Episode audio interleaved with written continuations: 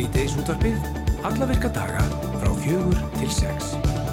Og það eru Guðrundís Emilsdóttir og Hrafnildur Haldarsdóttir sem að stýra þætti dagsins. Já, eins og allþjóð veit þá var greint frá því í gæra Sverrir Þór Gunnarsson hafi verið handtekinn á samt öðrum í umfangsmiklum aðgjörnum brasilísku lauraglunar. Fjölmilari í Brasilíu hafa fjallað ítalega um handtöku Sverris sem að hér á landi hefur yfirleitt verið kallað Svetti Tönn. Íslenskir lauruglumenn voru meðal þeirra sem að komu að aðgerunum sem að letu til handtöku Sverris og haftir eftir Nelson Louis Knapp, eh, starfsmanni Alríkis lauruglunar að samtökin sem að Sverrir er talin að hafa verið hluti af og stýrtað einhverju leiti hafi verið einstök. Stígur Helgason, frettamæður, hann kemur til okkar núna rétt á eftir og eh, við spyrjum að nánar út í þetta mál sem að verðist tegja ánga sína víða. Formaður húsæðendafélagsins bendir á það í grein uh, í vísi í gær að upp á síðkastið hafi komið til kasta húsæðendafélagsins óvinnu mörg alvarleg mál vegna umdeildra framkvæmda í fjölegna húsum sem að ráðist hefur verið í undir leiðsum fyrirtækja sem reka þjónustu við húsfélög. En hvernig er lögum um húsfélög háttað og hvernig er þessum málum almennt háttað hér á landi? Sigurður Helgi þekkir þessi mál út og inn og uh, hann þarf að fara við það helsta sem að hafa byrja í huga í tengslu við húsfélög í þættinum, sennilega ekki margi sem eru með þetta á hreinu. Nei, ég held bara nánast engin. Nei. Uh, við rákum augun í skilti sem ástóð Hér rýs háskólinn á Selfossi og þetta skilti vakti auðvitað aðtöklokkar. Sveitafélagið Árborg uh, auðvitað hefur verið byggið í fréttum í þessari viku vegna fjárhalsvandraða en við höfum ekki áður heyrt að því að það er að rýsa háskóli. Alls ekki. Uh, en mun rýsa háskóla á Selfossi, Margret Jónsdóttir Njarvík, rektor háskólans á Bifröst, hún segir okkur frá stóra háskólamálunu og tilur skiltisins hér á eftir. Og þegar lúrasveitin Svanur byrja að góma þá dettur manni sennileg, sennilegast ekki í hug 80's tónlist en það er heldur betur raunin því að það er alltaf blása til partytónleika með einmitt 80's tónlist og stuðpinnarnir Saga Garðars og Katla Margret þær verða þar í aðal hlutverki þær koma til okkar að segja frá Borgarbókasafnið heldur upp á 100 ára afmæli sitt á lögadaginn en það 19. apríl þá verða liðin 100 ár síðan að Reykjavíkingar eignuðu sitt eigið bókasafn. Var það nefndu alþýðu bókasafn uppalega og síðar bæjarbókasafn Reykjavíkur en heitir í dag Borgarbókasafn Reykjavíkur og við heyrum í Pálínu Magnúsdóttur Borgarbókaverði í þættinum og við fáum söguna um tilhjóðsafsins og spyrjum hann út í afmælisáttíðina sem verður núna um helgina. En við ætlum að byrja á þessu.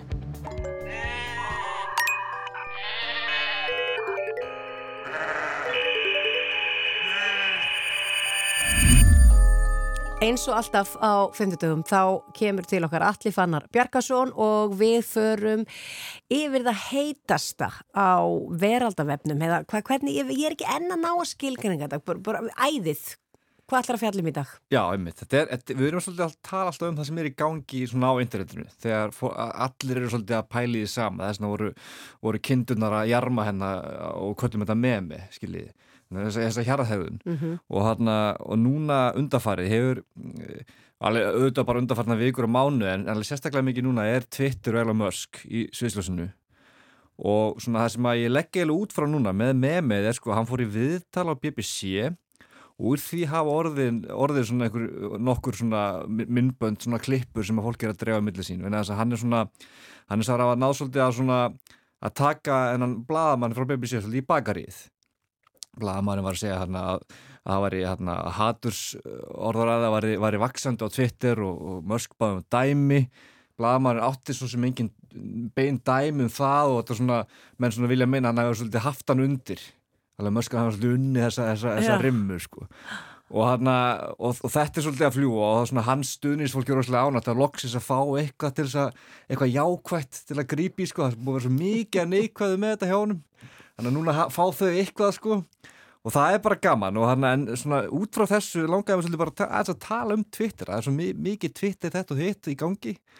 Og sko á hvaða leið þetta er sko. Mm. út af því að hann að ég held að hann sé svolítið að, að, að fara með þetta bara, bara ég held að sé svolítið að klúrast hjá hann Ef, ef, við sko, ef við bara byrjum sér að Twitter hefur alltaf verið svona notið ákveðina virðingar Já, sko, Twitter er umrið, ekki svona í, í, í, í samingi við Facebook til dæmis, Twitter er ekki stór samfélagsmið, svona með, með fjölda nótenda. Nei.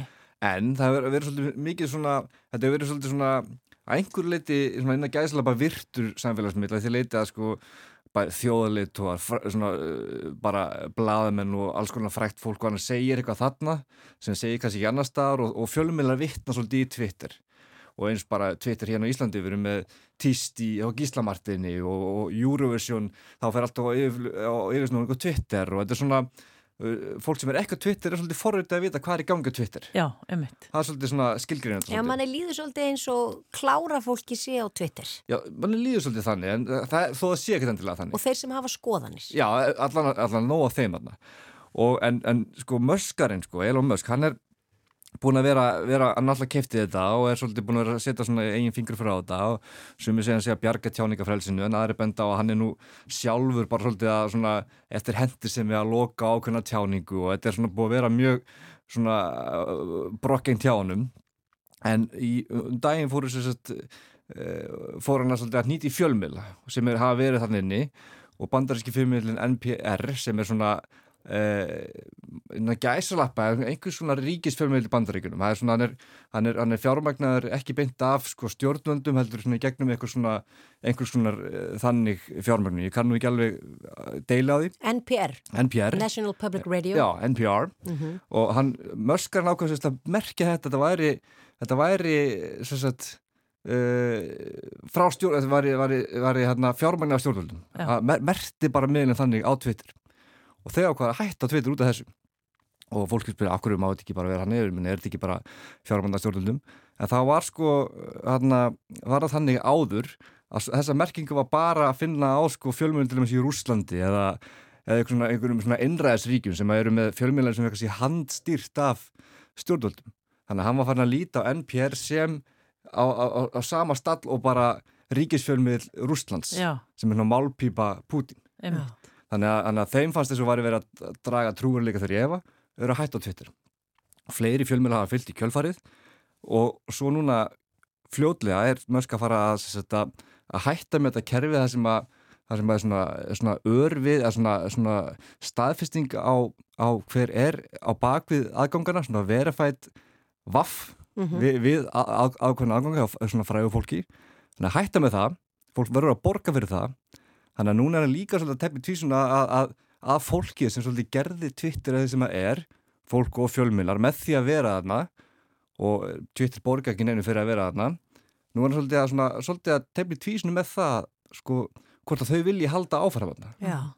Þannig að hann er svolítið að svona, hann er svona fatt ekki alveg hvað hann er með í höndunum að Twitter er það sem það er vegna þess að fjölmilar og ákveði fólk var þarna og sagði eitthvað sem að vitnaði í öðrum en nú er hann svolítið að svona, gefa svolítið skít í það þannig að hann er svona hann er svolítið að, ég, ég held að sé svolítið að klúra þessu bara. Skjóta sér í fótinn kallin. Já, ég held það vegna þess að, veist að Twitter var bara Twitter út af því að þetta var svona einmitt, þetta svona, fólk fekk á tilfinningu og þarna væri verið að segja eitthvað merkilegt þó væri þetta sama bull og, og öðrum samfélagsmiðlum að það var líka voru þjóðleitóar með yfirlýsingar og, og, og Volodymyr Selinski til dæmis er þarna bara á fullu alla daga að tilkynna hvað er í gangi í Júgrænu og, og þetta er svona, er á ákveðnum stalli en svo bara kurbaltumæðin Leiborn James hann var þannig daginn að, að, að nú var hann að missa, nú er ekki hægt að vita að það séur umverulegu hann og hann, hann að missa þessa pílu sem er við nafnið Já. og nefn hann borgi fyrir hana eins og Mösk vill að allir borgi fyrir það og þá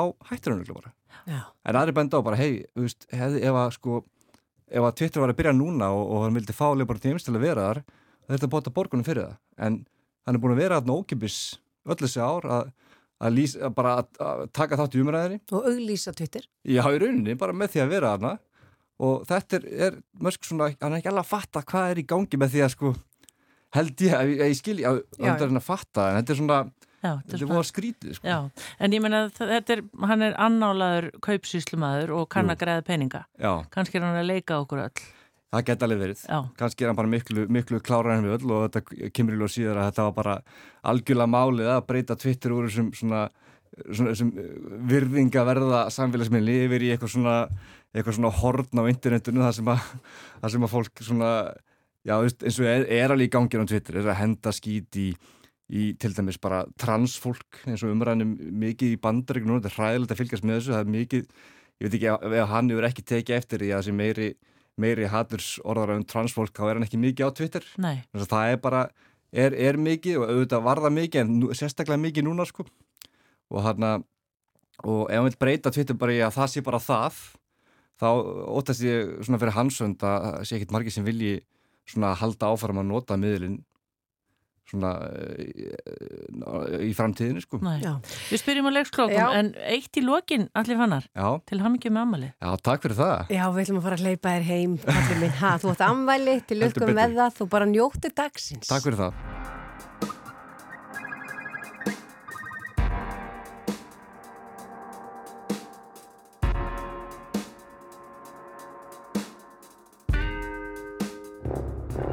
It's morning and we're blue. Cause what happened all night through was made for me and you. And now it's gone. There's a certain kind of love that will show us the way. So when your lips meet mine, I know I'll ask.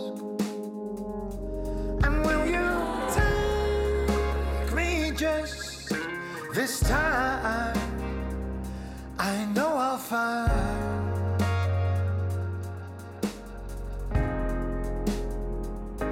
And will you tease me just this time?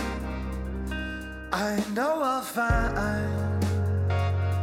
I know I'll find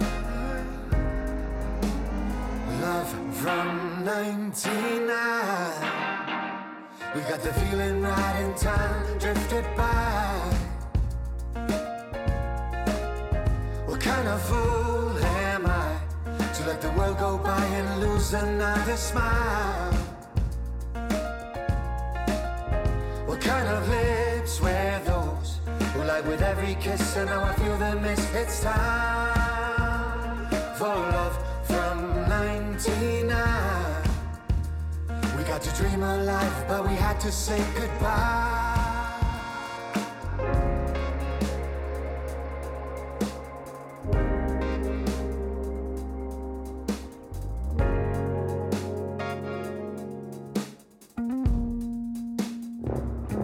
I catch myself awake in the middle of the night. The bed is empty by my side once again. So I travel back in time to another century that was made for you and me, where I say, love from 99. We got the feeling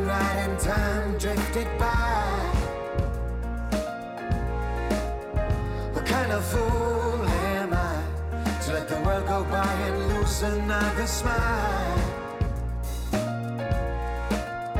What kind of lips wear those who light with every kiss and now I feel the miss? It's time for love from 99. We got to dream alive, but we had to say goodbye.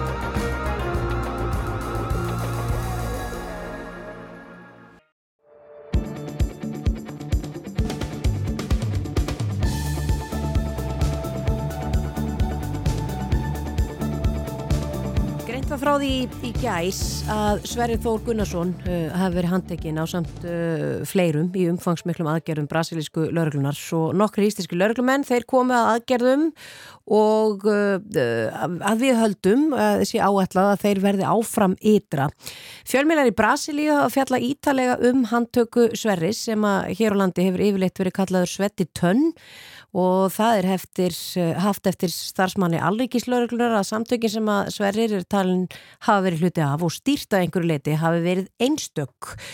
Uh, þetta mál er allt saman, já, hitt dulafylsta og uh, já, bara dálítið flókið og við höfum fengið hinga til okkar hann Stíg Helgason, frettamann, til þess að svona fara aðeins yfir þetta með okkur. Velkomin. Takk fyrir. Við kannski bara aðeins rifjum upp svona aðdraðana þessari handtöku. Já, sko, aðdraðandana þessari handtöku, ég við getum kannski eh, farið lengra aftur, ég menna Sverrir er búin að eh, búa Erlendis mjög lengi, báða Spáni og í Brasilíu og nú eitthvað verið í Amsterdam líka. Og það, það hefur verið á allra vitorði sem að fylgjast eitthvað með þessum heimi að hann hefur verið mjög stórtækur í fíknirnarsmikli e, að mista kosti hingað og sennilega bara um alla Evrópu innan Brasilíu líka og lauruglan þarna úti er búin að vera með hann sko lauruglan þarna úti og lauruglan hérna heima búin að vera með hann undir smásjó mjög lengi. Uh, okkur skilst að, að sko eftir grenslan lauruglunar í Brasilíu eða formleir ansókn þar að segja á þessu öllu saman hafi hafist árið 2020 en að þeir hafi þú veist í áratug þar og undan vitað af honum og fylst honum. Og uh, svo hafi verið látið til skaraskriða þannig gerð morgun víða um landið. Þetta var í sko nýju nýju eða tíu eh, fylgjum Brasilíu þar sem að voru aðgerðir og tóku 250 lauruklumenn þátt í þessu. Eh, það voru það voru vist uh, talaðum það að gera að það hefur 33 verið handteknir okkur skilstað þeir hafi líklega ekki verið nema 26-7 þetta hafi verið 33 ár handtöku skipanir nokkur hafi ekki fundist þá sé ennþá verið að býða eftir því að það lauruglunni takist að hafa hendur í hári þeirra. Og þeirra á meðal var, var Sverrir sem er sem sagt grunnaður um að leiða þarna að mista kosti sko annan af tveimur gengjum sem eru undir í þessu og nátengdum gengjum. Einhver ítali sem á að vera yfir hinnu það er nú ekki miklum sögum af hver er. Uh, og þetta er sem sagt bara gengi eða fíknirefna ringur sem stóð, var stórtækur mjög í, í bæði innflutningi á fíknirefnum til Brasilíu og útflutningi á efnum þaðan til Evrópu og þar með talið Íslands. En af hverju segir eins og, eins og hann, það er haft eftir þessum Nelson Louis Knapp, mm. starfsmanni Arriksrögnunar, að þetta hafi verið bara einhvern veginn einstök uh, starfsemi? Já, ég, ég sko, ég, áttum ekki alveg á því og ég þekki kannski ekki nógu vel uh, svona hvernig svona ringir starfa venjulega þannig á úti. En, en það sem hann virðist verið að tala um er sko að þeir hafi verið sko að starfa á svo breyðu sviði og upp og niður keðjuna. Hafi verið í, í sko einhvers konar svona heilsölu og innflutningi og útflutningi, smásölu, alls konar ólík efni Það hefur gert einhvern veginn allt uh, á meðan það er svona lág í orðumanns að, að það væri svona venjulegra að svona ringir einn pitcher eða okkur um einum þætti? Það væri þá bara í því að flytja út kokain Já. eða bara í því að flytja inn hass eða hvernig sem það er sko. Á meðan þessir hópar voru bara í þessu öllu saman. Einmitt. En hérna Sverrir, eh, hann náttúrulega er búin að vera og afplána sinn dóm í Brasilíu Og hann, var hann laus allra mála, er vitað? Okkur skilst það, já, sem er auðvitað pínulítið sérstaklega vegna þess að hann fekk mjög þungan dóm ára 2012. Uh, 22 ára dóm, þá hafði hann verið tekinn sömurinn 2012 með eitthvað í kringum hverju meginn við 50.000 ettöflur sem að hann flutti þangað og var hann tekinn reyndar ekki áflugutunum í Ríó en, en eftir að hann var nýfarinn þaðan. Uh, og já, fekk 22 ára fangilsistóm og hann satt bara inni í ykkur 7 ár. Uh, og okkur skilst að hann hafi ekkert komið sér undan réttvísinni þar. Uh, það eru þau svör sem við fáum frá lauruglunni að hann hann hafi bara verið búinn. En, en hann fer til Bras... það er þá þriðungur af, af, af tímanu sem hann er demtur Já, En hann fer þá til Brasilíu, er að flýja frá Spáni, er það ekki það sem að búa að dæma hann? Jú, hann hafði dvalið á Spáni, hafði reyndar bæði dvalið á Spáni og í Brasilíu uh, og fekk dóm á Spáni, nýjóra dóm. En uh, flúði hann til Brasilíu og það var þá, hafði verið í gildi handtökuskipinu og hendur húnum á Spáni lengi þegar þetta mál kemur upp 2012. En hann er bara dæmdur í Brasilíu og látin sitt inn í Brasilíu. Þetta, þetta mál, þetta eh, mál með 50.000 stettöflunar þótti mjög stórt á brasilískan mæli hverða þá, þóttu okkur finnst það kannski svolítið skrítið að því að við myndum okkur að, að það sé það er svona það er svona karikatúrin af, af Suður Ameríku að, að það sé allt flæðandi í dópi sko. Við höfum alveg heyrt um mál á Íslandi þessum eru 50.000 ettöflur en, en það var talað um þetta mál á sínum tíma í brasilískum fjölmjölum þetta 50.000 ettöflumál sem, sem mjög stort og enda fekk hann bara fyrir það 22 ára dóm og maður getur rétt ímyndað sér hvað hann á yfir höfðu sér núna Já. af því að máli núna er, er tölvöld mikið starra. Og það finnast þarna vopn og peningar og Vopn og peningar, já, heima í honum sko, hann bjóð hann í einhverju uh, húsi sem að verðist hafa verið ennþá í byggingu. Uh, og þetta er haldlögð í þessum aðgerðum 65 kíló á kokaini og, og einhver 220-30 kíló af, af kannabisefnum, hassi. Og, uh, og, og lagt hald á og það er náttúrulega ekkert allt heima í honum sko bara í öllum þessum húsleitum þetta var á þú veist, 50 stöðum eða eitthvað. Uh, og það er lagt halda á sko egnir og bankainistæður og bíla og fastegnir og eitthvað dóta jafnverði sko 150 miljóna brasilískra reala sem er rúmir fjórun miljardar þannig að það er svona gefur nú umfangið að einhverju leiti til kynna. Já. En aðeins að aðkomu, já bara íslensku lögreglunar Mhm. að þessu máli og uh, ég, maður heyrði hans í gæra, þeir voru nú að verjast einhverja frétta og, og svona. Uh, tengist þetta einhverju málum hér heima? Er það vitað? Það er örglega einhver sem veit það, jú en við höfum ekki fengið það endalega staðfest en hérna ég leifi mér eiginlega bara fullir það að það sé þannig ég,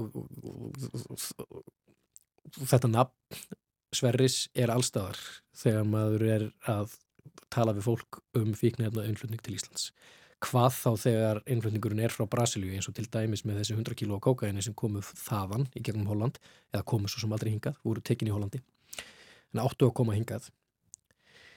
Uh, maður heyrði strax talað um það að þetta hlýta að vera komið frá Sverri og hans gengi. Uh, og, og þannig hefur verið talað um hann í 15 ár. Uh, það eru 10-15 ár síðan það voru margir Íslendingar sem voru reglulega teknir í Brasilíu og, og stungið þar í fangelsi. Uh, og það var mikið til umfyllunar Brasilíu fangarnir. Ég man ekki hvað þetta voru margir á, á nokkur ára tímabili. Þetta voru 6-7-8 manns eða eitthvað.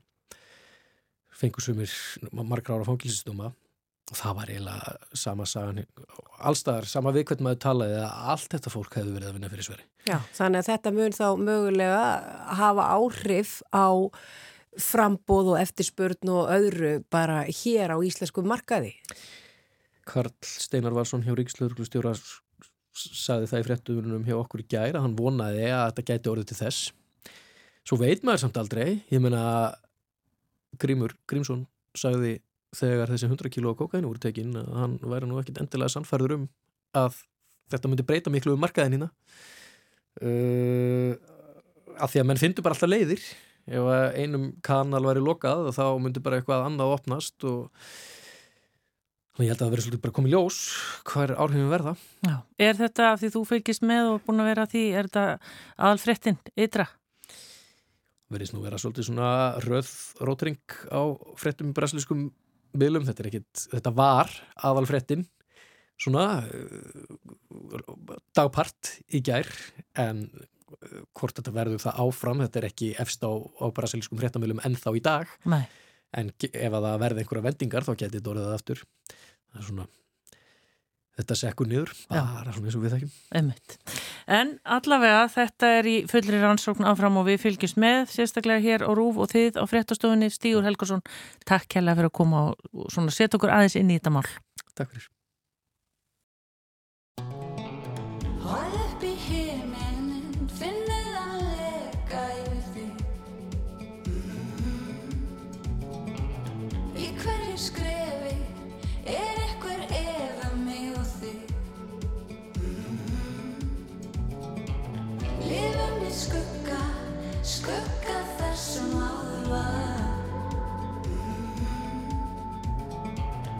Vakna dagur, vakna nýjar spurningar.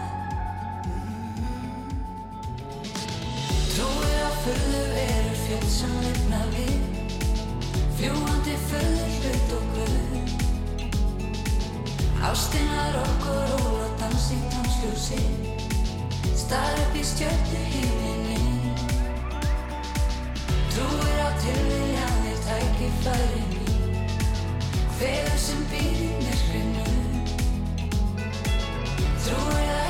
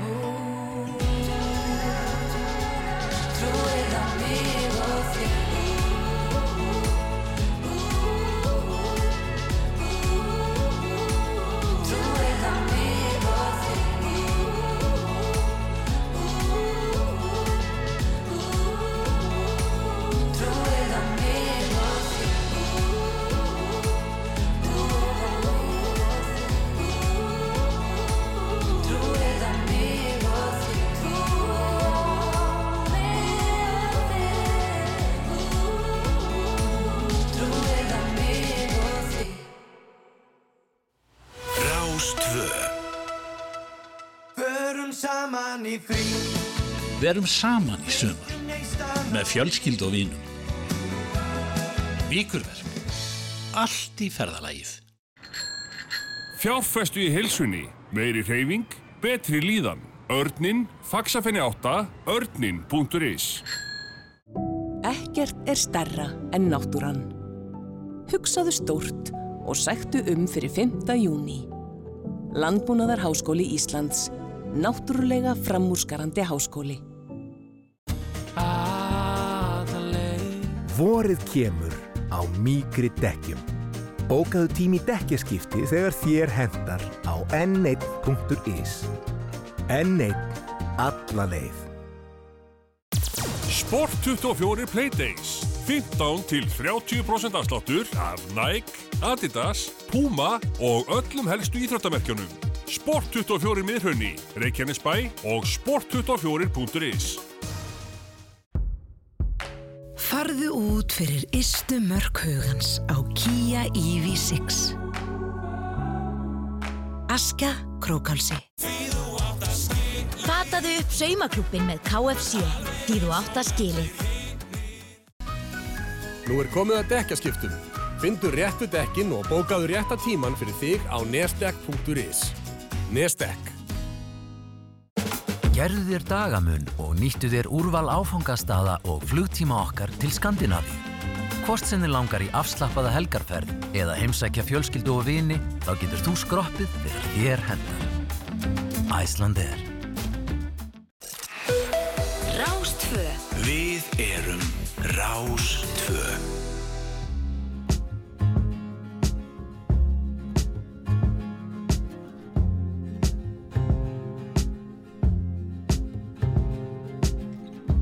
I'll be honest. I'll be honest for you. Yeah, yeah.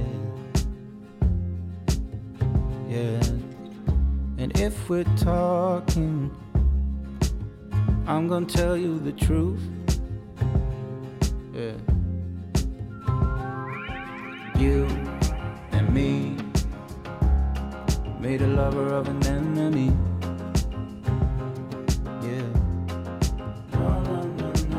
Stockholmsville. We're gonna make a memory. Cause you've been on the west side, showing them your best side. You've been wearing new jeans and shoes. While I've been living less life, sleepless, get no rest nights, thinking about us and how I do. You and me made a lover of an enemy. Yeah, yeah. Stockholmsville. We're gonna make a memory.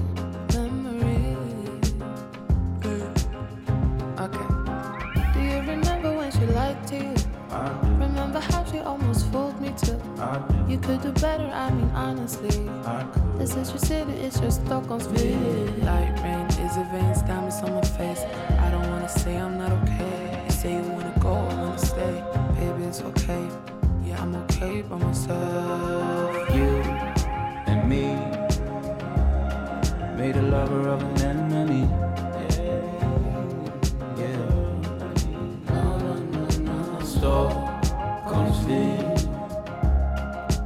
gonna make a memory.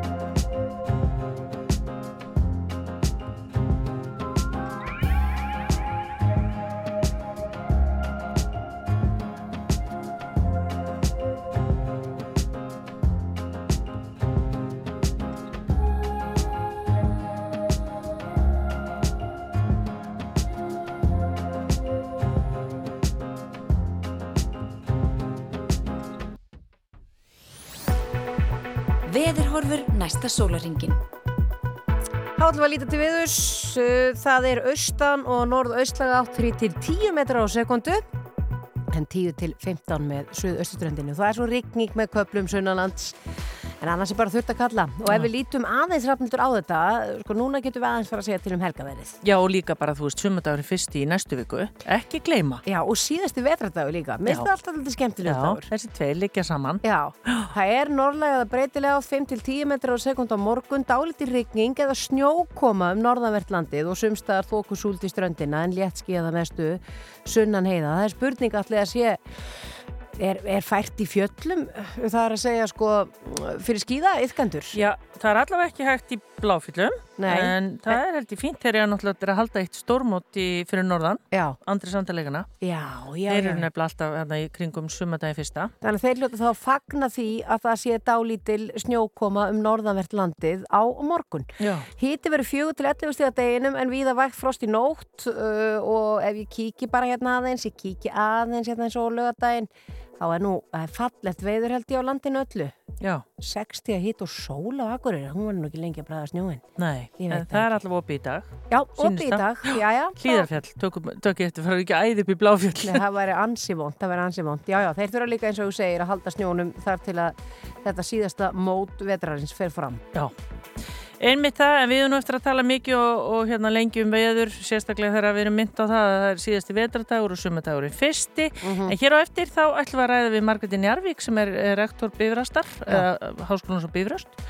því að, uh, já, við sáum skildi, Já. fréttum af skildi. Það sem stóð hér Rís háskólinn á Selfossi Já. og við klóruðum okkur í höstum en við erum með svarið við þessu og það er Margrét með líka. Þjóðvegur 66 Í fjallægt síndist Fjöllin er að blá.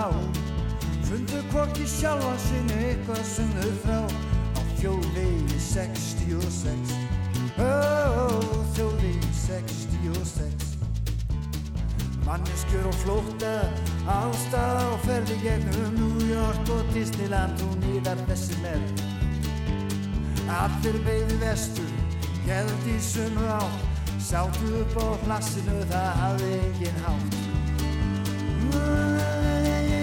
Á tjóðvegi 66 Í fjallægt um síndist Fjöllin er að blá. Fundu hvorki sjálfa sinni Eitthvað sem þau þrá Á þjóðvegi 66 Ó, þjóðvegi 66 Jón okkur Steinbeck, hann fór þessa slóð og hann skrifaði skruttu um undarlega fjóð. Um fólk í nauðum sem leitaði að náð, mætti fjandskap allt þetta skráð. Á þjóðvegi 66, örlung á spilin, en kjöð var ekki góð, annarkortan degi eða fara þessa slóð á þjóði 66 Já, á þjóði 66 Á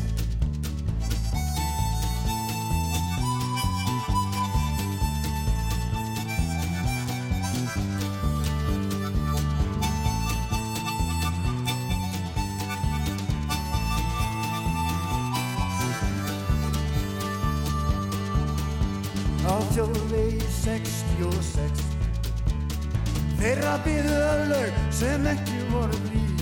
Annarkortan degja eða heia þetta stríð. Á þjóðvegi 66 Já, já, á þjóðvegi 66 Þá bræður hörfa og herja vítir söp.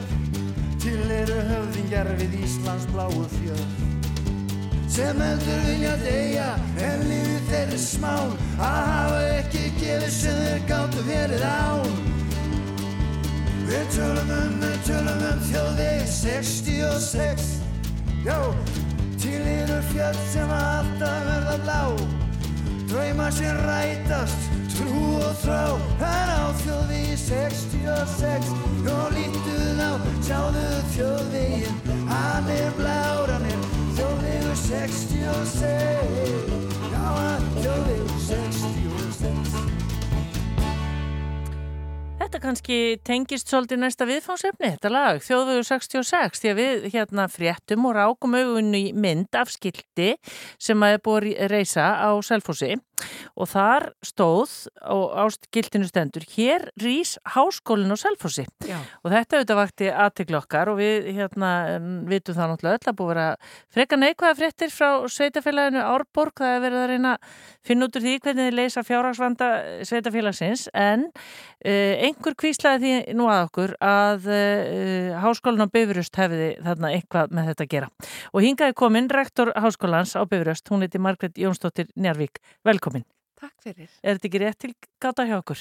Jú, einmitt. Háskólinn á Bifröst er nefnilega allstaðar og þessi skil- skilti hafa sérst í hrútafyrði, hveragerði og, og víða um landið og við vildum með þessu vekja aðtegli á því að þeir sem er í fjarnámi, þeir geta stunda það hvaðan sem er Mm. og þetta er háskólinn heima hjá þér.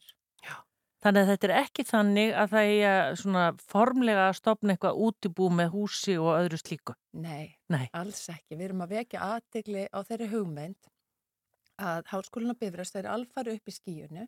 Það er allt í fjarnámi hjá okkur með staðlótum og þess vegna getur þetta verið háskólinn á Selfossi, hveragerði, rauvarhörna, eigilstöðum, hvar sem er. Við viljum vekja aðtegli á því hversu mikilvægt fjarnám er fyrir landsbyðina. Þetta er eitthvað mikilvægasta byggðarþrónamál sem við höfum núna að fólk geti sótt mentun þaðan sem það býr, á þess að þurfa að flytja í burtu. Og hversu miklu framförum hefur þetta tekið þar að segja á hversu skömmum tíma? Já, sko, Háskólinn á Bifröst hefur uh, kent fjarnám, hefur verið með fjarnám í, í aldar fjórðung núna og hefur verið alveg í farabróti í því og gert fullt af mistökum í gegnum tíðina en nú erum við búin að mastera þetta. Það er að segja, nemyndur okkar, þeir dásama skipulæðan á minn okkar. Við höfum skipulagt að þannig að við lámörkum brottfall. Það er einu prósundi harra brottfalli hjá okkur úr fjarnámi en í Háskóli Íslands samkvæmt ofinbyrjum tölum háskólana. Fyrir þá sem eru þá ekki þar í fjarnámi? Nei, bara fyrir þá sem eru í, í, í venjulegu námi þar. Já, já. Og það segir okkur að við erum að gera eitthvað rétt í auðvunumhaldi. Annars sem gerðist mjög merkilegt var COVID. Það var það besta sem fyrir okkur gætt komið. Þá, þá, þá öðlaðist fólk virðingu fyrir fjarnámi, fólk sá að það er að kenna hvað sem er í fjarnámi og við erum líka að eiga við allt öðruvísi kynslu. Já. Unga fólki í dag vil stafrænt ná og unga fólki vil störfa án staðsetningar. Og allir okkar starfsmenn, e, e, akademísku starfsmenn, þeir eru störfum án staðsetningar. Þannig að við erum líka að stunda stafræna stjórnun á hverjum einasta degi. Því að ef að kennarnir okkar og okkar akademísku starfsmenn geta haldið nefndur svona vel að námi þá er það af því að þeir eru góður í stafrætni stjórnun. Já, en hvernig gengur þá þeim sem að heldur utanum taumana? Já. eins og allir minnst þér og stjórnum skólans að bara láta þetta virka, það er að segja maður er mann skaman. Einmitt. Það er, það er áskorun en við höfum það líka þannig að allir starfsmennir okkar, þeir bera ábyrða því að rækta sambandi við höfustöðarnar og þeir sem eru í stjórnsýslunni mæta í vinnuna. Þeir hafa náttúrulega sveiginleika, viltu vinna eitt að heima hjá þeir í viku eða þessa viku tvota. Það fer eftir verkefnunum sem þú ert að vinna e, við einblínum á verkefnin sem fólk þarf að skila af sér og þau stýra ferðinni og staðsetninguðinni hverju sinni. Og svo er við með stuttafundi þar sem við komum inn á Teams eða í personu því að við passum okkur líka hittast, við passum okkur að fara í gönguferðir og út að borða og, og hittast í fundarherbyggju vegna þess að það skiptir máli. Já. Já, en þetta lítur að vera mjög dýrmætt fyrir háskóluna því að mannöðurinn, eins og þú segir, kennararnir ykkar, þeir eru bara út um allt, þannig að þeir hljótið að geta þá fengið alls konar kennarar sem væru möguleg ekki tilbúinir að festa sig á einhverjum einum stað. Það er alveg satt og, og, og það er, sko, háskóli er ekkit annað en mannöðurinn og það hefur verið gæfa mín sem rektor, sko, að við höfum fengið fárólega gott fólk. Við erum með alveg ótrúlega gott starfsfólk.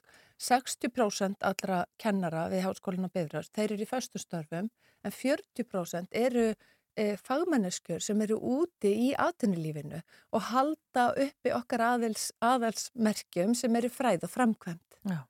En að því ég sagði sko maður er manns gaman, hvað með nefnduna? Ég menna, er það að þróast eða breytast eða þurfa þeir að koma oftar núna eða heldur en áður eða sjaldnar, hvernig er því hátta? COVID kend okkur að við viljum hittast. COVID kend okkur að það kemur ekkert í staðin fyrir það að koma saman.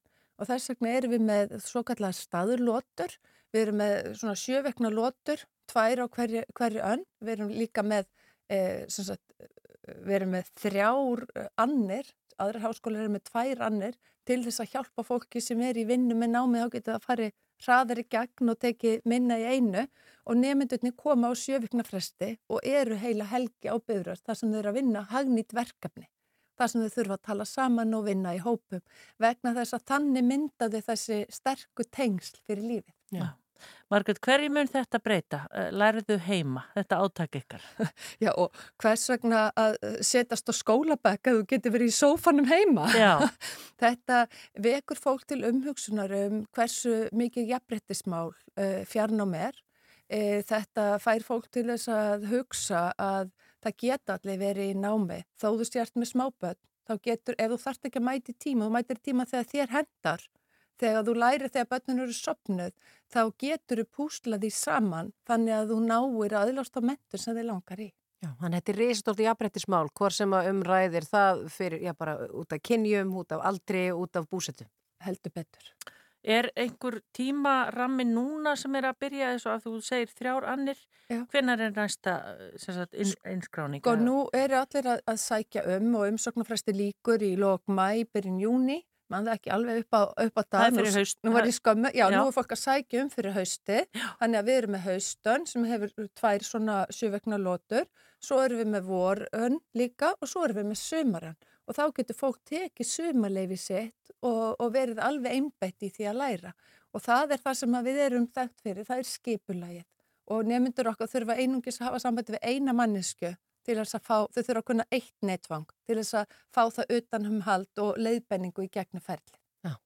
Þetta er mjög spennandi og Marget Jónsdín Jarvík, uh, rektor Háskólans og Beirus, bara takk fyrir að koma til okkar og gangi ykkur vel með þetta. Já, takk fyrir að bjóða mér, ennilega.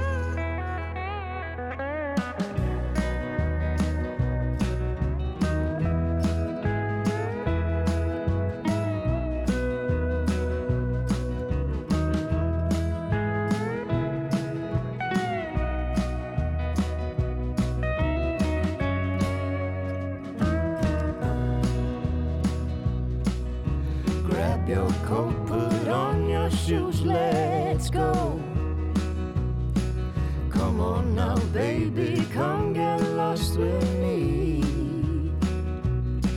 My hand in your hand, what more could we want? Every part of me craves your company. Gonna have fun tonight, bona fide.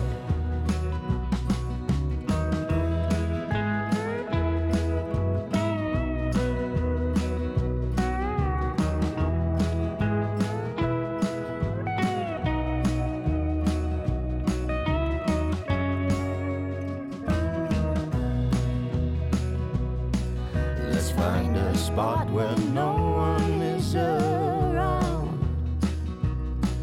Just you and me and a big bottle of wine. Gonna have fun tonight, bona fide. Gonna have a hoot and Annie, come outside. Don't waste your time on fools, let's have fun. Forget about your troubles and dance with the night. I know you've been down and out for so long. I wanna lift you up and have a good time.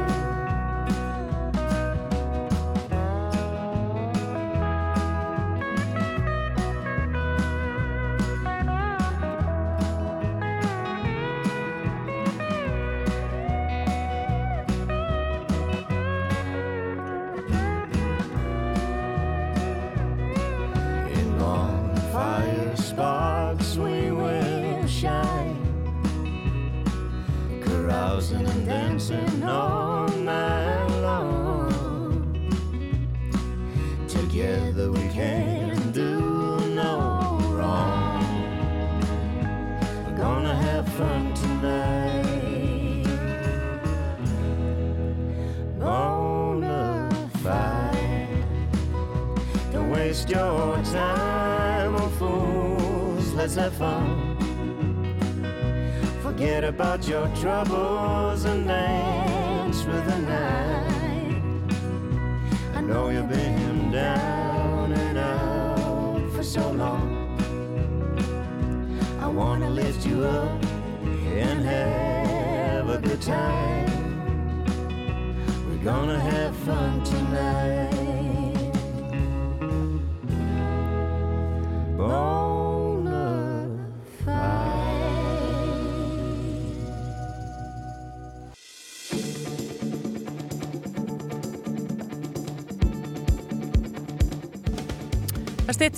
fréttir hér á fréttastofu RÚF núna klukkan 5 og þar á eftir ætlum við að tala um reglur og húsfélög. Hvernig eru þessar reglur, Gunnar? Kannt þetta? Nei, ég hef einu sinni verið með þess að gjaldkeri í húsfélagi það er bara ég svitna á efrivörunni með þetta er erfitt Já. Og ég held að fólk sé líka að það felur sig undir glugganum, það vill ekki vera heima þegar það er húsfundur, það vill ekki láta hérna, kjósa sig í... Nei, ég vildi alls ekki þarna þetta svona einhvern veginn dæmdist á mig Já.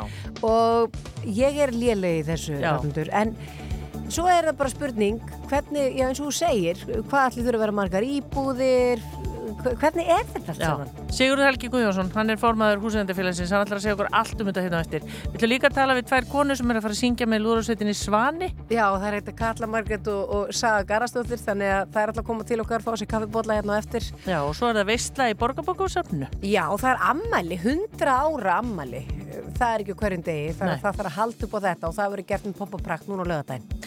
Allt þetta hér í síðdeis útvarpinu eftir smástund.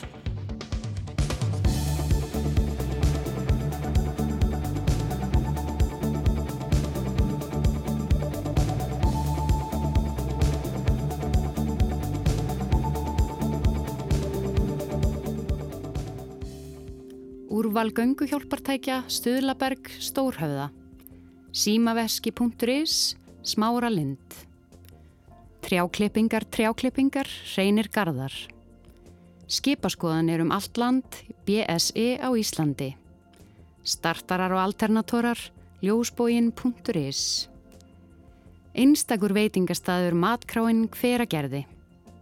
Startkablar, startkablar, bílanaust.is. Örgiskór og vinnufött, Vassvirkin.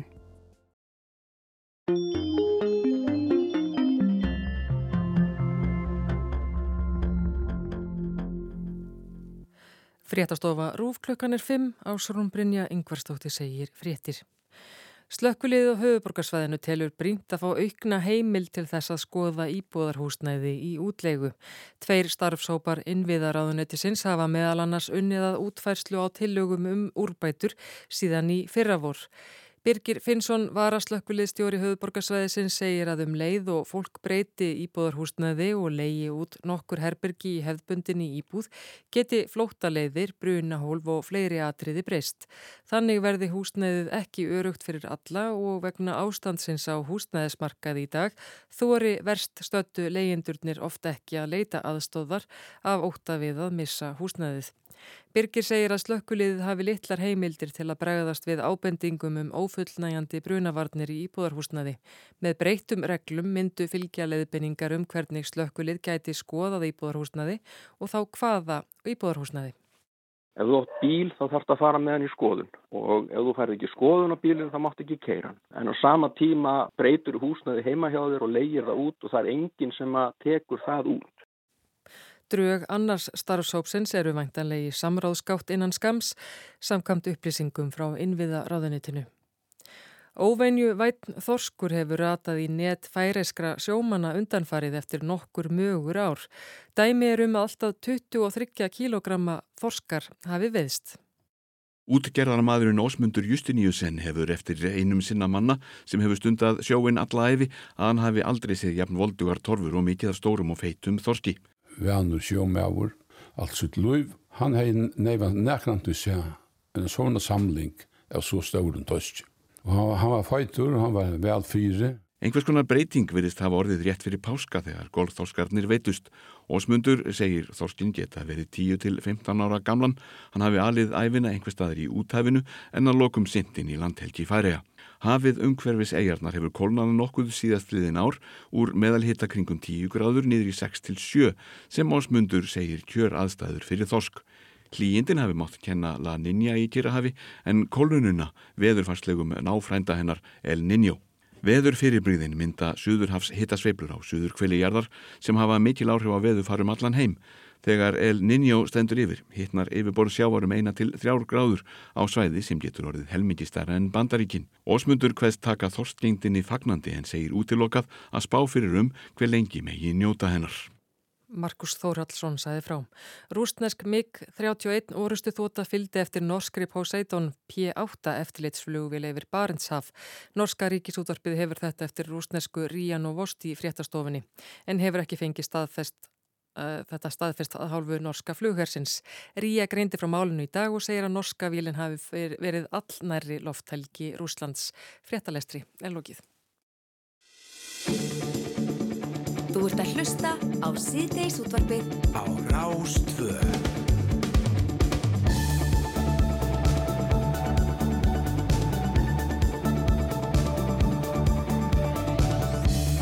Og jú, jú, við höldum áfram hérna í síðdeis útarpinu, mm, tæpu klukkutími eftir sem við höfum eftir að vera með ykkur hérna, ég og Hallmundur Haldursóttir og við erum komið með góða gesti. Við vorum búin að lofa því að það kæmi til okkar tvær neglur Já. strax að loknum þeim fréttum. Og þetta eru konur sem að kalla ekki alltaf ömmu sína og það geta flest. Allavega erum við að gefa okkur það núna af því að það snýjasta sem það er að fara að skreita sig með er að fara að vera með lúðrasveit á tónleikum. Syngja með lúðrasveit. Katla, Margrét og Saga Garðars, velkomnar. Takk fyrir. Við erum bara, sko, ég hugsa, getum við fundið tóndæmi en við erum búin að leysa það. Við ætlum að fá bara hérna, eitthvað á þessum lögum sem við ætlum að syngja. En hvernig kom þetta til? Lúðrasveitin Svanur og þið tvær? Mjög góð spurning. Já.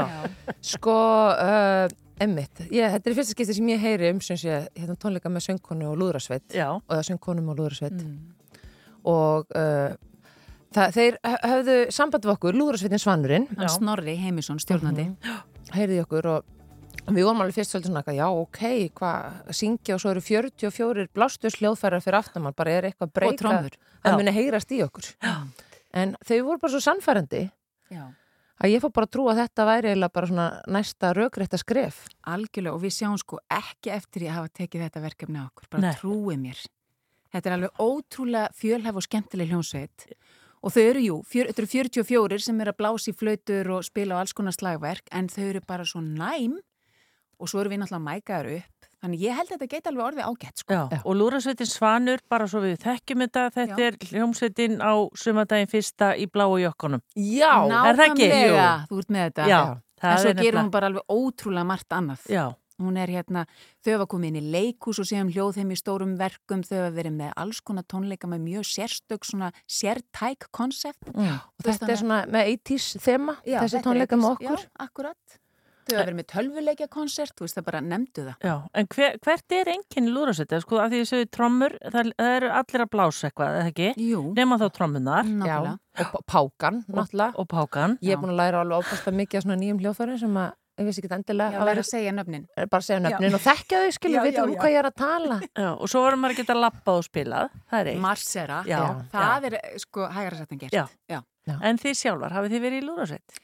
Ég var í skólihúst Kópós, ég var krakki, ég var þrjú ár, var, eða tvö ár kannski, eitt ár á trompet og eitt á hortni og ég get sagt þér að ég ætlaði að vera aðeinslega brött núna og spila á trompet, það kom ekki hljóð. Nei. Og þetta er bara þannig, þú veist, maður verður bara að fara sér hægt, maður þarf bara að byrja með munnstykkið og æfa sig á það í kannski mánuð Já. og svo bætir þú hljóðfærinu við og vonandi gengur eitthvað. Ummitt, það er alveg tækni, sérstök tækni að blási í þetta. já. En þú saga? Nei, ég bara uh, kann lítið á fáhljóðfæri en ég hef svolítið svona í setni tíð verið að, að kenna sjálfur mér á panflötu Já. og grípa aðeins í hana á tónleikunum. Það- Já, en það er í rauninni ekki panflöta samt í lúðrasveitinu. Nei, nei, nei, það er Það nýjó. eru, hérna, ég held ég, ég myndi segja að ég verði svona eini starfandi panflötuleikarinn á landinu í Já. dag. En, en þessi lög að því að þetta Starfandi innan gæsalappa, Já, mikið lapp. nei, nei, starfandi, finnst það flott. En þessi lög, að þetta er svona 80s tónlist, fengu þið að hafa áhrif á lagavalið?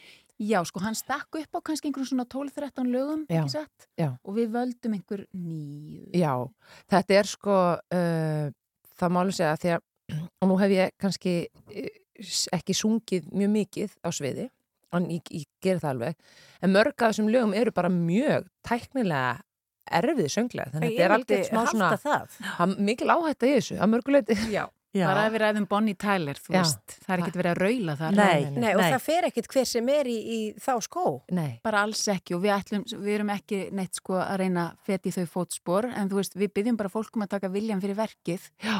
og svo ennáttúrulega þrjusu gott band þarna baki sko. Já, en Kalla, þú ert alveg uh, Ég er alveg vöna að syngja í söngkona. leikús og svona, já, já, ég er alveg bara fín raulari og, og þú veist, ég þannig ekki mjög mækuð upp og svona. Og heimilistónar, ekki Heimilist, gleyma. já, já, algjörlega. Já. En sko, en þetta er alveg, alveg spes sko. Já.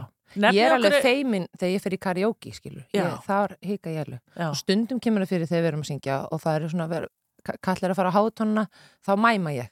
Þá læti ég eins og ég sé að syngja með en ég er, er að leifa kalla hitt á réttu tónuna. Já, en gefa okkur fleiri dæmi. Það er Bonnie Tyler Já. og Grílunar. Mhm. Já. Uh, Whitney Houston. Vá, það er ekkert smá.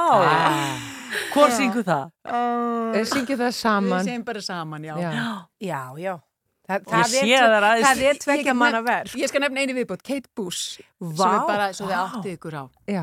Þetta er rosalega, þetta, þetta er En breytt. sko við erum búin að vera að æfa okkur, æfa okkur, æfa okkur og ég til dæmis sá ekki fyrir mér þegar við, við tókum þetta okkur að við, við erum á svona mörgum lúðrasveitaræfingum og nú er ég alltaf, ég get aldrei verið mat heim hjá mér eða uh, verið í kringum badni mitt af því ég er alltaf að fara á lúðrasveitaræfingu. Já, nú er þetta bara einn, jú, tvísar viku núna. Já. Fyrst var það einu sinni viku, núna, já. En þetta er alveg lífstíl sem þetta verið í lúðrasveit.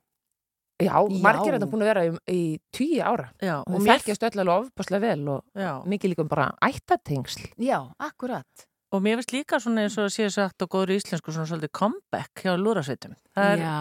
það var hérna æðislegt þegar maður var lítill, það var alltaf á sumundagi fyrst og skátur og svona. Mhm. Svo hvarf þetta smá, svo þetta finnst mér þetta komið svona aftur núna. Þetta er náttúrulega algjör stemning Já. Þú veist, ég held að allir tengi það eða þú veist, tengi svona leið og heyri í lúðrasveit og sérðu öll í búningunum Já, og það er, Ég sé alltaf fjúkandi nótur í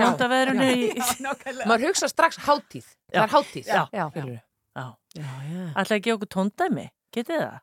Já, býttu nú við, hvað getur við tekið? Er það... Já, já. Mér stu byggðið mikið hrafnir Já, ég ætla aðeins að pína þér. Það eru vanar er að vera að með taka eitt 44 íslenskt? fyrir Já. aftan sig. Já. Já. já. Slegið á strengi, hárlokkur sveiflast, dinjandi rytmi, reykur og sviti. Hvað er þetta, haldið? Já, Er þetta það einhverju nær? Já, já. já. Þannig að við tökum líka íslensk lög. Býtu, Sa nú er ég- Saga, vilt þú koma með eitthvað? Saga er að ná í panflutuna. Hún er að ná í Já, hún er að ná í panflötuna, Já, auðvitað. já, við skulum hérna sjá. Já, kemur hún með hana. Já, já. Þannig að Þeir eru að taka toppmobil líka og Já. þeir, þetta er allt þarna.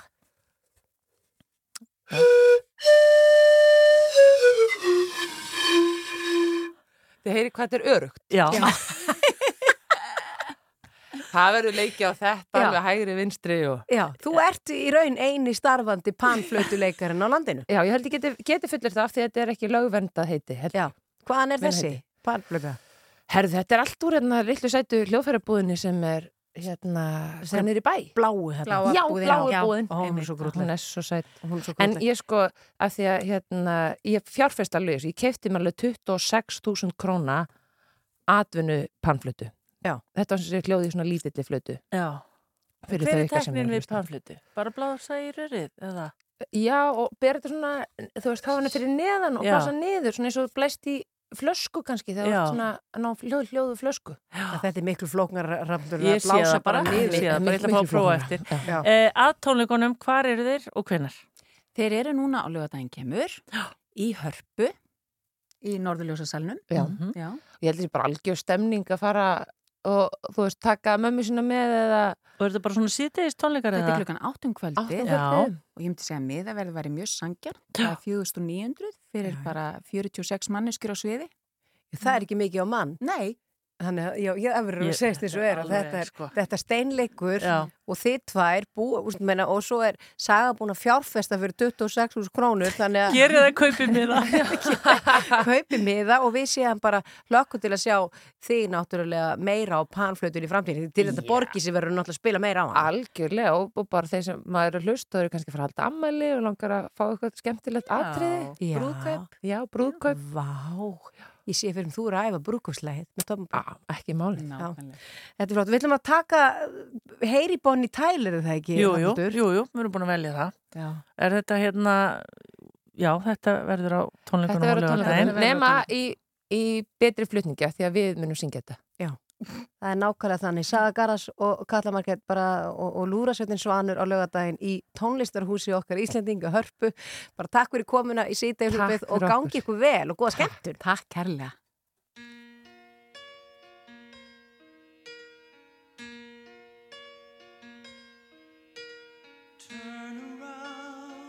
Every now and then I get a little bit lonely and you're never coming around. Turn around. Every now and then I get a little bit tired of listening to the sound of my tears. Turn around. Every now and then I get a little bit nervous that the best of all the years have gone by. Turn around. Every now and then I get a little bit terrified and then I see the look in your eyes.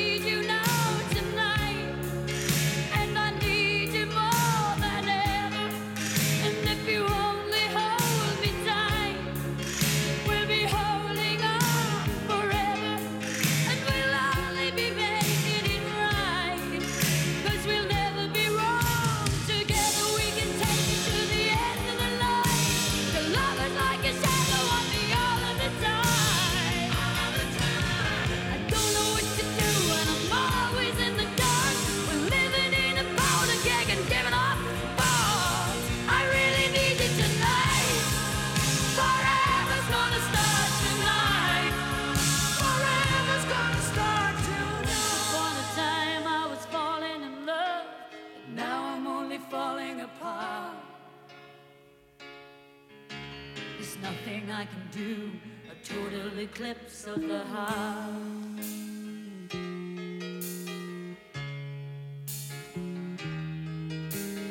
Once upon a time there was light in my life, but now there's only love in the dark. Nothing I can say, a total eclipse of the heart.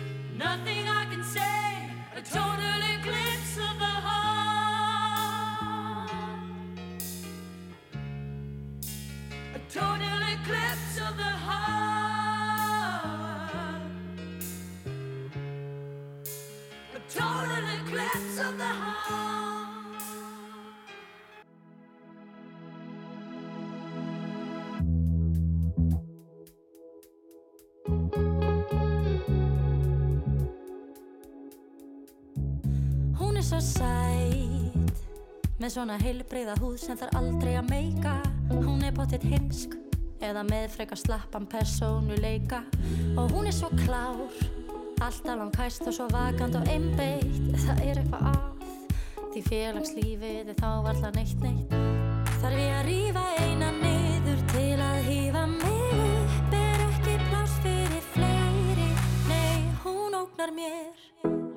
sem ógnar henni, sem ógnar henni, sem ógnar þér. Sem ógnar henni, sem ógnar henni, sem ógnar mér. Sem ógnar henni, sem ógnar henni, sem ógnar þér. Og þú ógnar mér og kannski ógna ég þér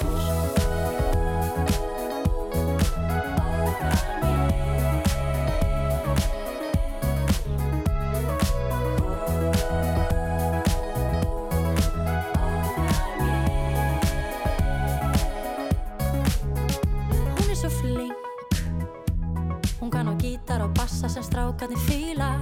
En ég hef nú heyrt að það sé svolítið erfitt við hana að díla. Og hún er svo snjöll Allir hlusta og hlæja þegar hún opnar munnin. En eftir tvö ár verður fræðarsól hennar eflaust úr brunnin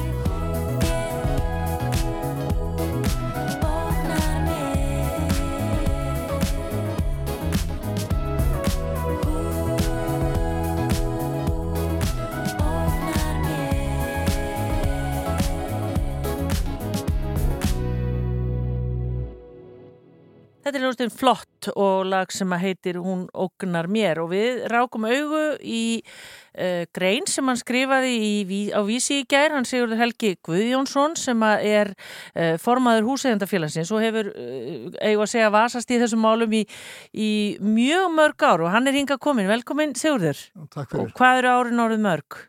Þau, þau eru orðin 43-4 ásko. Já, ummitt. Fyrirsögnin á greininniðinni er stjórnin húsfélaga og húsfélaga þjónustur.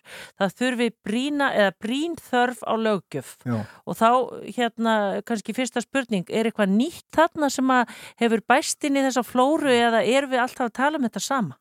Þetta er náttúrulega, það var komið upp svona fyrirtæki sem bjóða húsfélagum og stjórnað yfirtaka þjónustuna og, og sjáum allt. Þetta má upp að vissu marki en framsal má ekki vera of mikið og þegar fjölögnarsalvið voru sett fyrir 30 árum þá voru slik fyrirtæki ekki fyrir hendi og þau eiga rétt á sér vegna ég heyrði ykkur tala á þann um það það var ekki, það var ekki eftirsókn að vera vegsemd að vera í stjórnhúsfélaga Nei, er ekki bara... Fólk, þessi starf sem er, er þarfa þýleiti að það vantar lagarama, það vantar reglur um ábyrð þeirra og skilir að mega reyka svona því að nú þið getið hoppa bara hérna út og, og sett upp svona þjónustu fyrirtæki og það er verið að vela um sko mikla hagsmunni Já. í öðrum tilvíkun til þess að gerði eignarskipti yfirlýsinga, leigu þarna leigu umsjón og, og þarna leigumiðlun og, og fastægna sölur, allt þarf þetta kallar þetta á einhverja þekking og reynslu og það er þessna sem að ég segi þarna í þessari hugviki minni að það þurfa að setja einhvers lagarama í kringum þetta. Já. Já. Þessi mál eru að koma inn á þitt borð. Já. Þá er, er þá bara allt sprungið í loft upp? Já, þá, þá, sem sagt, þá er aðstæðan svo að það er farið út í einhverju mikla framkvæmdir og það er mjög áriðanda sér rétt staði öllu, fundir sér rétt haldnir. Það hefur verið mjög mikil misprestur á því þannig að húsfélög loga svolítið út af, út af þessum málum. Og, og síðan sko missa eigendur stjó, sjónar á, á, á málefnum félagsins þegar þeir eru komið út í bæ. Og stjórnarmenn axtu ekki ábyrg heldur vísa á þessi fyrirtæki og, og vita ekkert sjálfur. Já, eru þá, eru þá stjórnarmenn í rauninni að að því þú varst að segja það, við hafnildu vorum að tala um það að það væri ekkit kannski voðalega eftirsoknavert að vera í stjórn húsfélaga og það dæmist á suma og allt þetta og kannski fólk sem hefur litla þekkingu eða ekki áhuga á því að þá eru þessi fyrirtæki kannski að stökka inn í og grípa og, og taka þetta og taka fyrir það vantarlega einhverja þóknun. Já, þetta er ekki góðgerðastarsinni sko. Nei, og, og þá viljið þið meina að það, það er ekki löglegt? Nei, það er löglegt að vissi marki. En stjórn getur ekki framselt sko réttindi sín og skildur alveg út í það óendarlega og það eru mörg dæmi um það að, að, að þau kunna að selja sig þessi fyrirtæki. Og, og lofa gull og grænum skóum og, og öllu þín líku. Og, og bjóða sagt, mikla þjónustu og fyrir látt verð. Og fólk grýpur þetta náttúrulega til að losna við, við amstrið af húsfélaginu En svo hefur brúðið við að, að þegar að húsfélagi komið nú inn, þá allt í hennu vaknar mikil viðhalstörf og það er rokið í framkvæmdir og úttektir mikið, mikið þarna, meira heldur en menn áttu von á og oft óþarfar og þessi fyrirtæki þau, þau selja þjónustu sína en hún er ekki dýr í sjálfu sér. Peningarnir eru þegar að farðir í stórar viðkerðir. Já. Það, það, er gott að vera og fá, fá sneið á köku. Og, og við höfum séð ákveðið minnstur að, að húsfélag kaupir svona þjónustu. Þá verður allt í nú allir glukkar og nýtir og þarf að skiptum allt og fara út í mikið. Og það er kannski sama fyrirtækið sem að gera úttekt og segir að þetta þurfi. Og stjórna síðan útbóði og, og þarna og síðan eftirliti og hagsmunir þessar aðrið er að kostnæður sem sé mestur því það fá prósentur af, af, af því þarna, þarna er svona, hefum við séð svona hættu, hættumerki. Já og þarna er raun kannski hægt að hafa bara pening af húsfélagin. Já það er mörg dæmi það að það, það er skiptum allt millir himmis og jörðar, skiptum glugga þó að enginn hafi vitað að þess verið þarf þannig að þar, þar, þar eru peningarnir. Já. En ábyrgin fyrir Já, er liggur, þá þegar þetta gerist, Mm. liggur þá í raun grunn ábyrðin þá á stjórninni og hún getur í raun ekkit en hún vísar á þessa aðila. A- einmitt, það er akkur, akkurat það þeir uh, stjórnin víkur sér undan ábyrð og þykst ekkert vita og vísar á fyrirtæk út í bæ og það er mjög á að vera mjög gegnsætt uh, starfi í húsfélögum það má ekki vera neinn leindamann þá allt að líka upp á borðum. En í, í sumum tilvægum veit uh, vi, vita stjórn stjórnum ekkert um neitt og eru bara eins og alvaru hól. Já. og en vel að merkja svona starfsemi er þörf. Og þannig að fólk geti sem sagt frekar borga sér frá því að, að, að, að vera í, í stjórn eða, eða í einhverjum verkskildum hjá, hjá eldri borgunum til dæmis og þegar fólk vil eigða tímanum í eitthvað annað en þannig vantar lagarum, þannig vantar sko hvaða skilir því fyrir að vera fyrir hendi það þarf að vera einhver kunnáta og einhver þekking en, en núna er þetta bara vilt að vestrið í sjálfsveir sko. Já. En hvaða ráðleggingar átt þú þá, Sigurður, til fólk sem að býr í, í svona fjöl, þú kallar þetta hvað, fjöleg, Fjöleignarhús. fjölegnarhús, það er miðað við hvað margar íbúðir.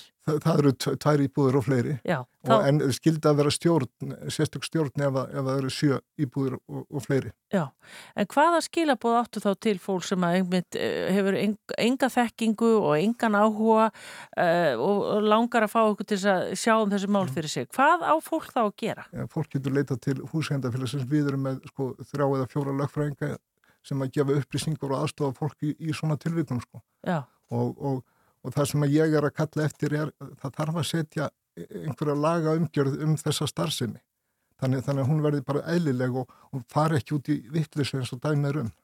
En, en ég menna getur fólk uh, hérna kynnt sér einhver fyrirtæki, þú veist, hver eru með allt sitt á reynu og hver ekki? Já, Þannig að- það, í raun og verið það getur leitað til húsendafélagsins, við þekkjum eh, þetta og við, vitum hverju standa sig betur en aðrir. Sum eru eh, bara ágætlega rekin en önnur ekki Og þar maður, hvað þarf maður til þess að vera í húsíðandafélaginu? og það er bara gangi í félagið og borga einhverjum þúsund kallað fyrir og, og fær þá lögfræði þjónustu. Já. En hver, hver er þín tilfinning fyrir því að þú tala um fjöleika hús sem að væntarlega eru mjög, mjög mörg á landinu. Eru allir með flesta þessar hluti á hreinu? Nei, nei, menn, menn eru náttúrulega vasast og, og stjórna þessum húsfélagum í- oft af vankunnáttu og, og oft lendir það á sömu aðilunum og aðrir eh, spila sér fría. Þess vegna er svona starfsemi eh, þarna eh, góð ef hún er í lægi og, og það er sett einhver skiljur fyrir, fyrir rekstinum. Já. Og þú ert alveg harður og þið, bara til þess að minna fólk á það, að tvær íbúður eða fleiri, að þá verði að vera eitthvað slíkt fyrirkomulega til. Já, já, það, það verður að vera til sko. Ef það eru færið en sjö íbúður þá fara eigendur bara saman með þau verkefni sem stjórn væri ella með. Já. Og, þar þá að vera búið að gera einhverju yfirlýsingu um það og undirskrifa eða? Já, ég meina, það- lögin er náttúrulega mjög sko, nákvæm með það hvernig eh, réttast að eigandi er og, og, og stjórnar. Og eins og ég segi, það var ekki gert ráð fyrir því í lögunum þegar við vorum sett að, að svo, svona uh, starfsemi myndir og þetta var algjörlega óþekkt. Já. Og eins og ég segi, ég er ekki á mótið þessu, en ég vil að þetta sé í einhverjum böndum og farvegi og, og, menn sé ekki að gera þetta út í loftið. Já. En hver breytir þessum lögum eða hvar, á hvaða borði er þetta? þetta er, þetta er hjá vantari innviða ráð þeirra og mannvirkjastofnun Já. og að vísu sko eh, hef ég samið flest frumvörp á þessu sviði fjöleiknásalögin og alla breytingar á þeim en, en nú er aldrei annur nú, nú eru starfsópar alltaf settir í málinn og, og, og þannig, þannig að það er innviða ráð þeirra og mannvirkjastofnun sem ætti að hafa sko frumkvæðið því að, að, að, að láta semja viðbót við fjöleiknásulegin sem gerir ráð fyrir þessu. Og ertu björnsinn á það verði gert á næstunni?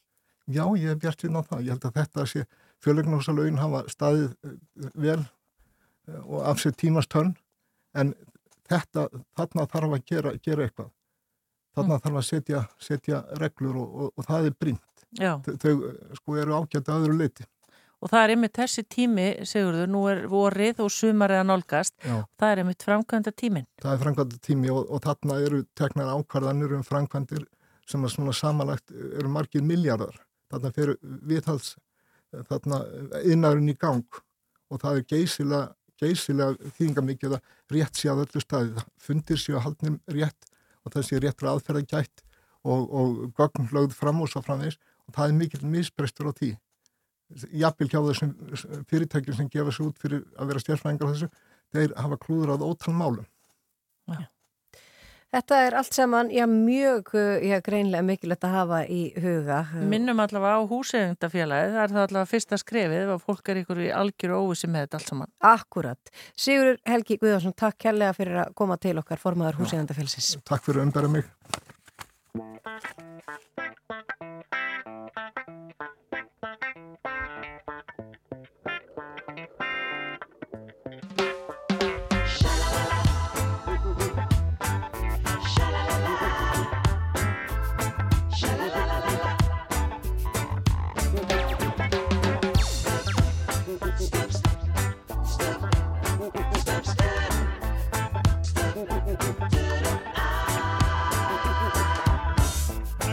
þessa trommu og tegð á hana skinn Beldu þér svo vísu og vektu mannskapinn. Stringdu hár í hörpu og hafðu þína raust. Þessi heitu hjörtu hamast skiliðis löst Þetta er allt sem ég óska mér. Að ég geti glast hér með þér. Engar áhyggjur, þetta fer allt með Einhvern dag trúðu mér. Stillum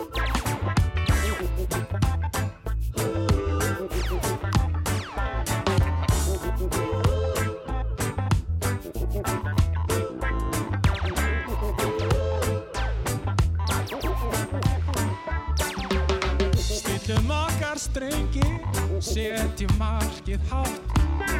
Lifum vel og lengi, þá leiðist okkur það. Hafi ég á hendi, heimsins bestu spil. Sorgirna þá sendi í svartan myrkan hér Þetta er allt sem ég óska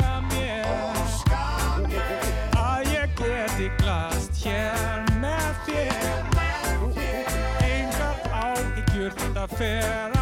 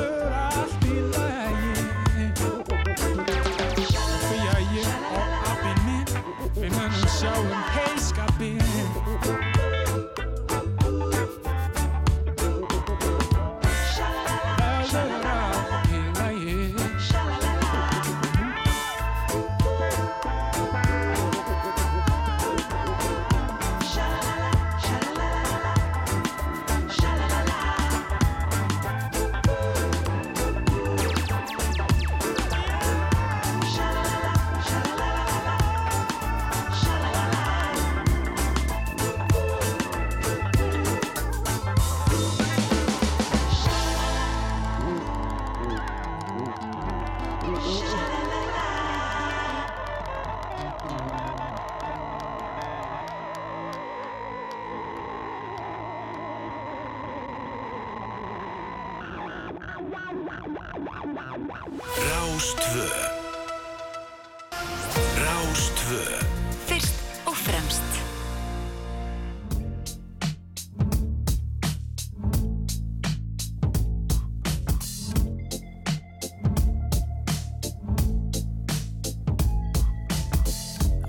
Found some better sounds no one's ever heard. I wish I had a better voice that sang some better words. I wish I found some chords in an order that is new.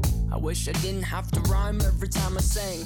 I was told when I get older all my fears would shrink, but now I'm insecure and I care what people think. My name's Blurry Face and I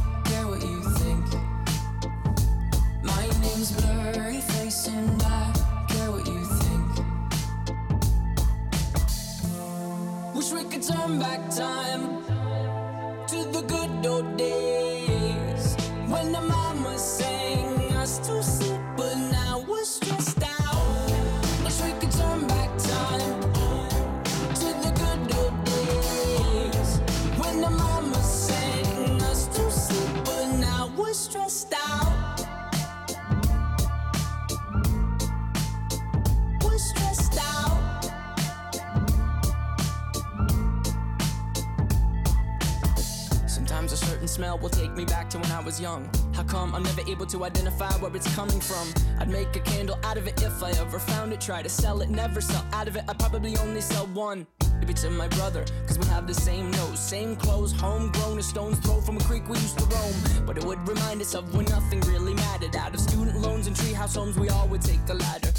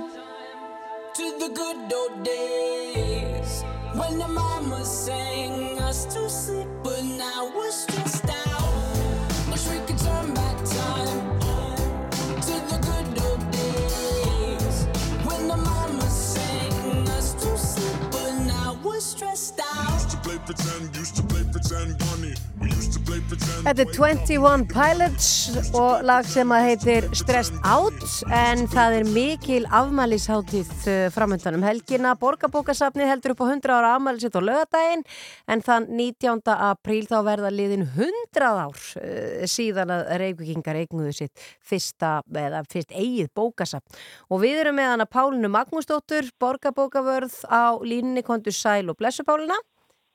Jú, komið sæl. Uh, 100 ár síðan að uh, já, við eignuðumst okkar eigið bókasafn. Getur þú sagt okkur aðeins kannski forsöguna af því að, að það gerðist? Já, safnu opnaði þetta sumandaginn 1. 19. april 1923 og það var hérna, það var keift, eða að það var, það var opnað með peningum frá sölu á bóttværsturskipum sem, að, sem voru seld til uh, Fraklands í, í fyrrastíð og það var ákveð að nýta smá af, af því fjö til almannanóta og hvað er betur en að opna bókasafn? Já, Já. Það hefur eflust komið sér vel á þessum tíma og var þetta stórt safn?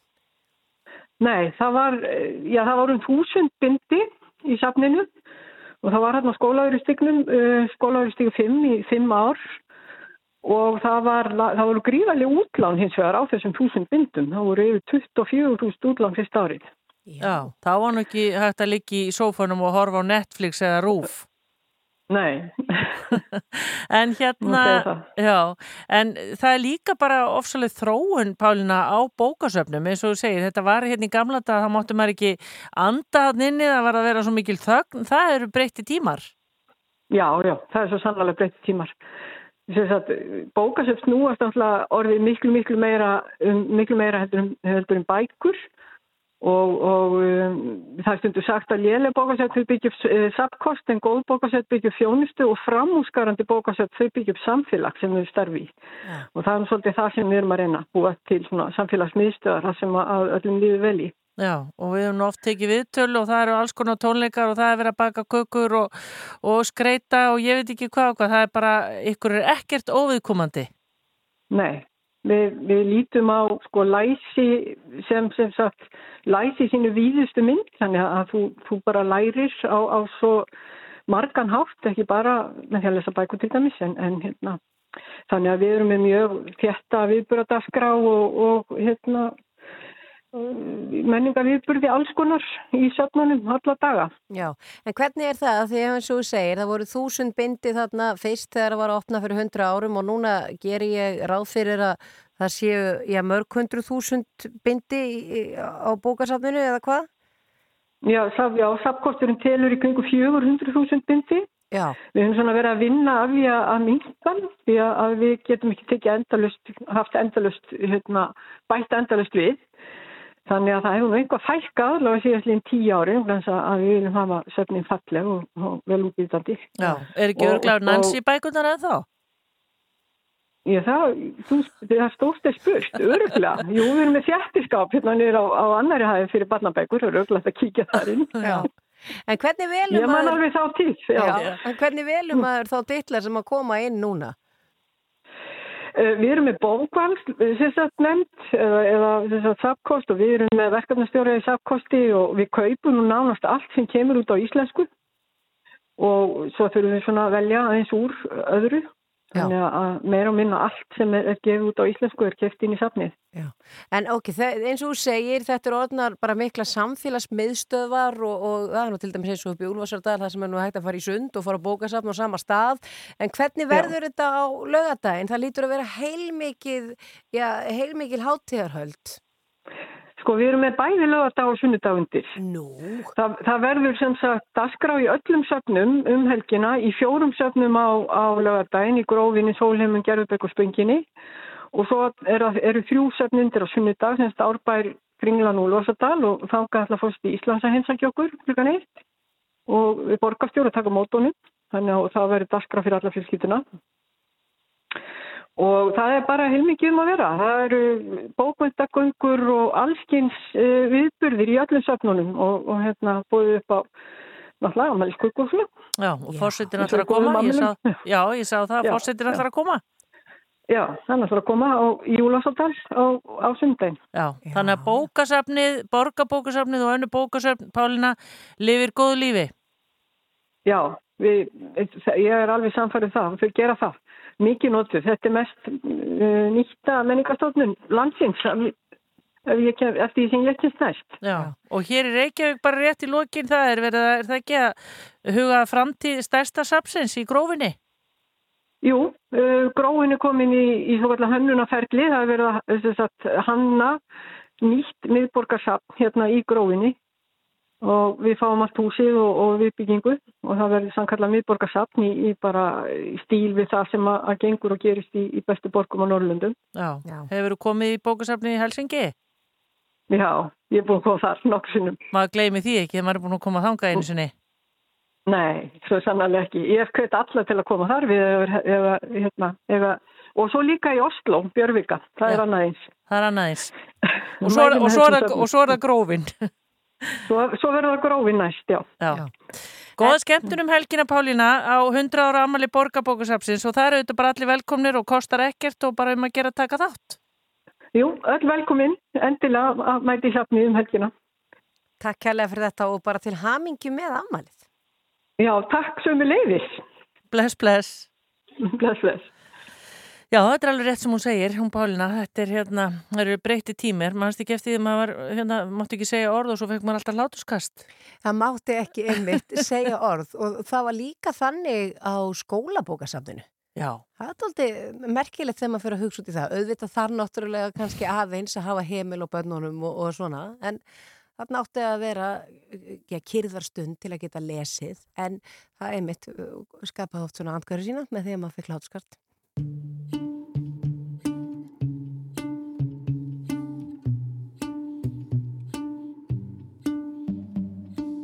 know it's a bad idea. But how can I help myself? Been inside for most this year and I thought a few drinks they might help. It's been a while, my dear, dealing with the cards life dealt. I'm still holding back these tears. Well, my friends are somewhere else.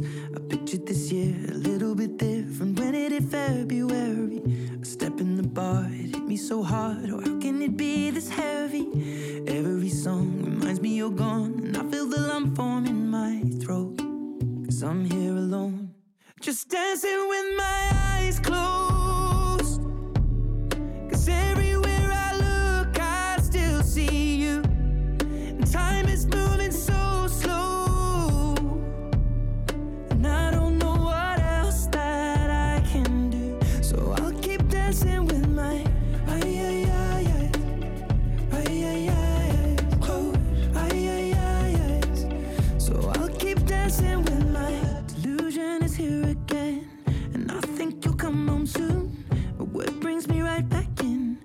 It's only me that's in this room. I guess I could just pretend the colors are more than blue.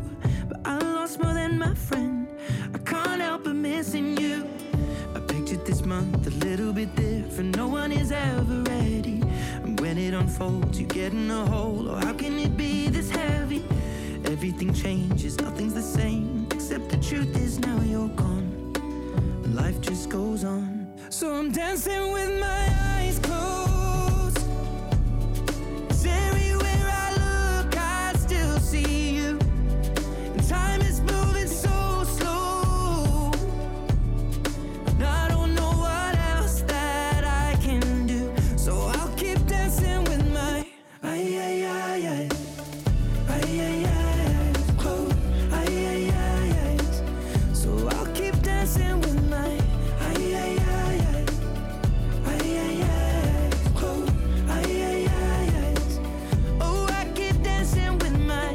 Shutting the bar, they're cleaning the floor, and everyone is already home.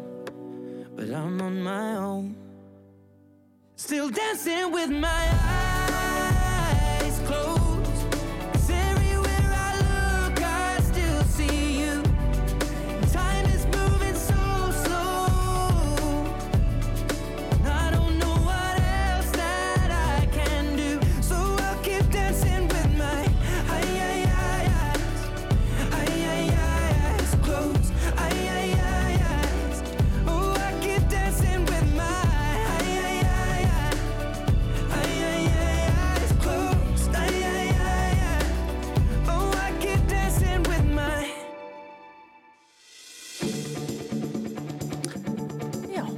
var Ed Sheeran sem átti síðasta leikin í síðdeðis út af dagsins. Já, þetta er frábært lag með honum. Hann toppar sig alltaf. Ég meina, ég skil þetta ekki. Nei. þetta er mikið maskína. Hann er algjör maskina. Uh, fóst á tónleikana? Nei, ég gerði það ekki. Ekki heldur. Nei, hann lítur að koma aftur hvað nungu maðurinn. Ég veit ekki. Myndið þú koma aftur hingað? Um, já, ég meina, ég er að vona Elton John komi, ég sá að Hulda Hann Geirs kemur var að aldrei aftur. Hulda var að setja, hann spilaði með grifflur, mannstu, það var svo kallt. Já, var ekki skýta veður og... Jú, ég sá að Hulda Geirs var að sjá Elton John í annað sinn. Það eru forréttindi. Já. Og alveg bara sagði geggjaður, sko. Hann á nú öruglega ekkert marga túra eftir Karlinn. Eða ég er ekkert vissu það. En uh, einmitt, það, við áttum tvo miða á ett, sko, en það var dreigið hverjir fengi að fara. Já, er það? Já, já, þetta draga bara. Auðvitað var það þannig. Já, já það, var, það var erfitt að fá miða á ett. Já. Bara mjög erfitt. þetta er, hvað, þetta er komin alveg bara... Nokkur ár síðan. Já, nokkur ár síðan. fyrir COVID. Mm Bara ekki? Íslaugur, eða þú ert að hlusta annarkvort Elton John eða Ed Sheeran eða Adele eitthvað, þú mátt ráða Já, það er dóttir margir sem að maður væri til í að sjá. Já, já. Ah. En við komumst ekki lengra í síðdeis út af dagsins Næst og- eru það Backstreet Boys, hefndur. Já, einmitt, þeir eru á leðinni Þeir eru bara núna í loka april, þú ert nóttir að skella þér á þá. Ég veit það, ef þau þekki mér rétt. Þá eitthvað að vera þar á fremsta bekk. Það er bara svo liðs Herðu, það er bara hérna komið að loka við verum aftur með ykkur á morgun hér á föstu degi í síðdeis útarpinu og þá kemur eitthvað allt annað eh, fólk til okkar Já, já, og við reynum nú svona líka ofta að vera á enn léttari nótum á, á, föstu dagum. Já, það er hérna oft þannig og svo er hérna kemur helgi og svo er aftur bara fjóra daga vinnuvika næstu viku. Já. Þetta eru dag, góðu daga núna. Indislegi fimmtudagarnir þegar þetta er svona inn. Já. En við stöldlunar þökkum ykkur bara fyrir að hlusta og við þökkum gestum fyrir að koma á heimsækja ykkur og við heyrjumst aftur á morgun.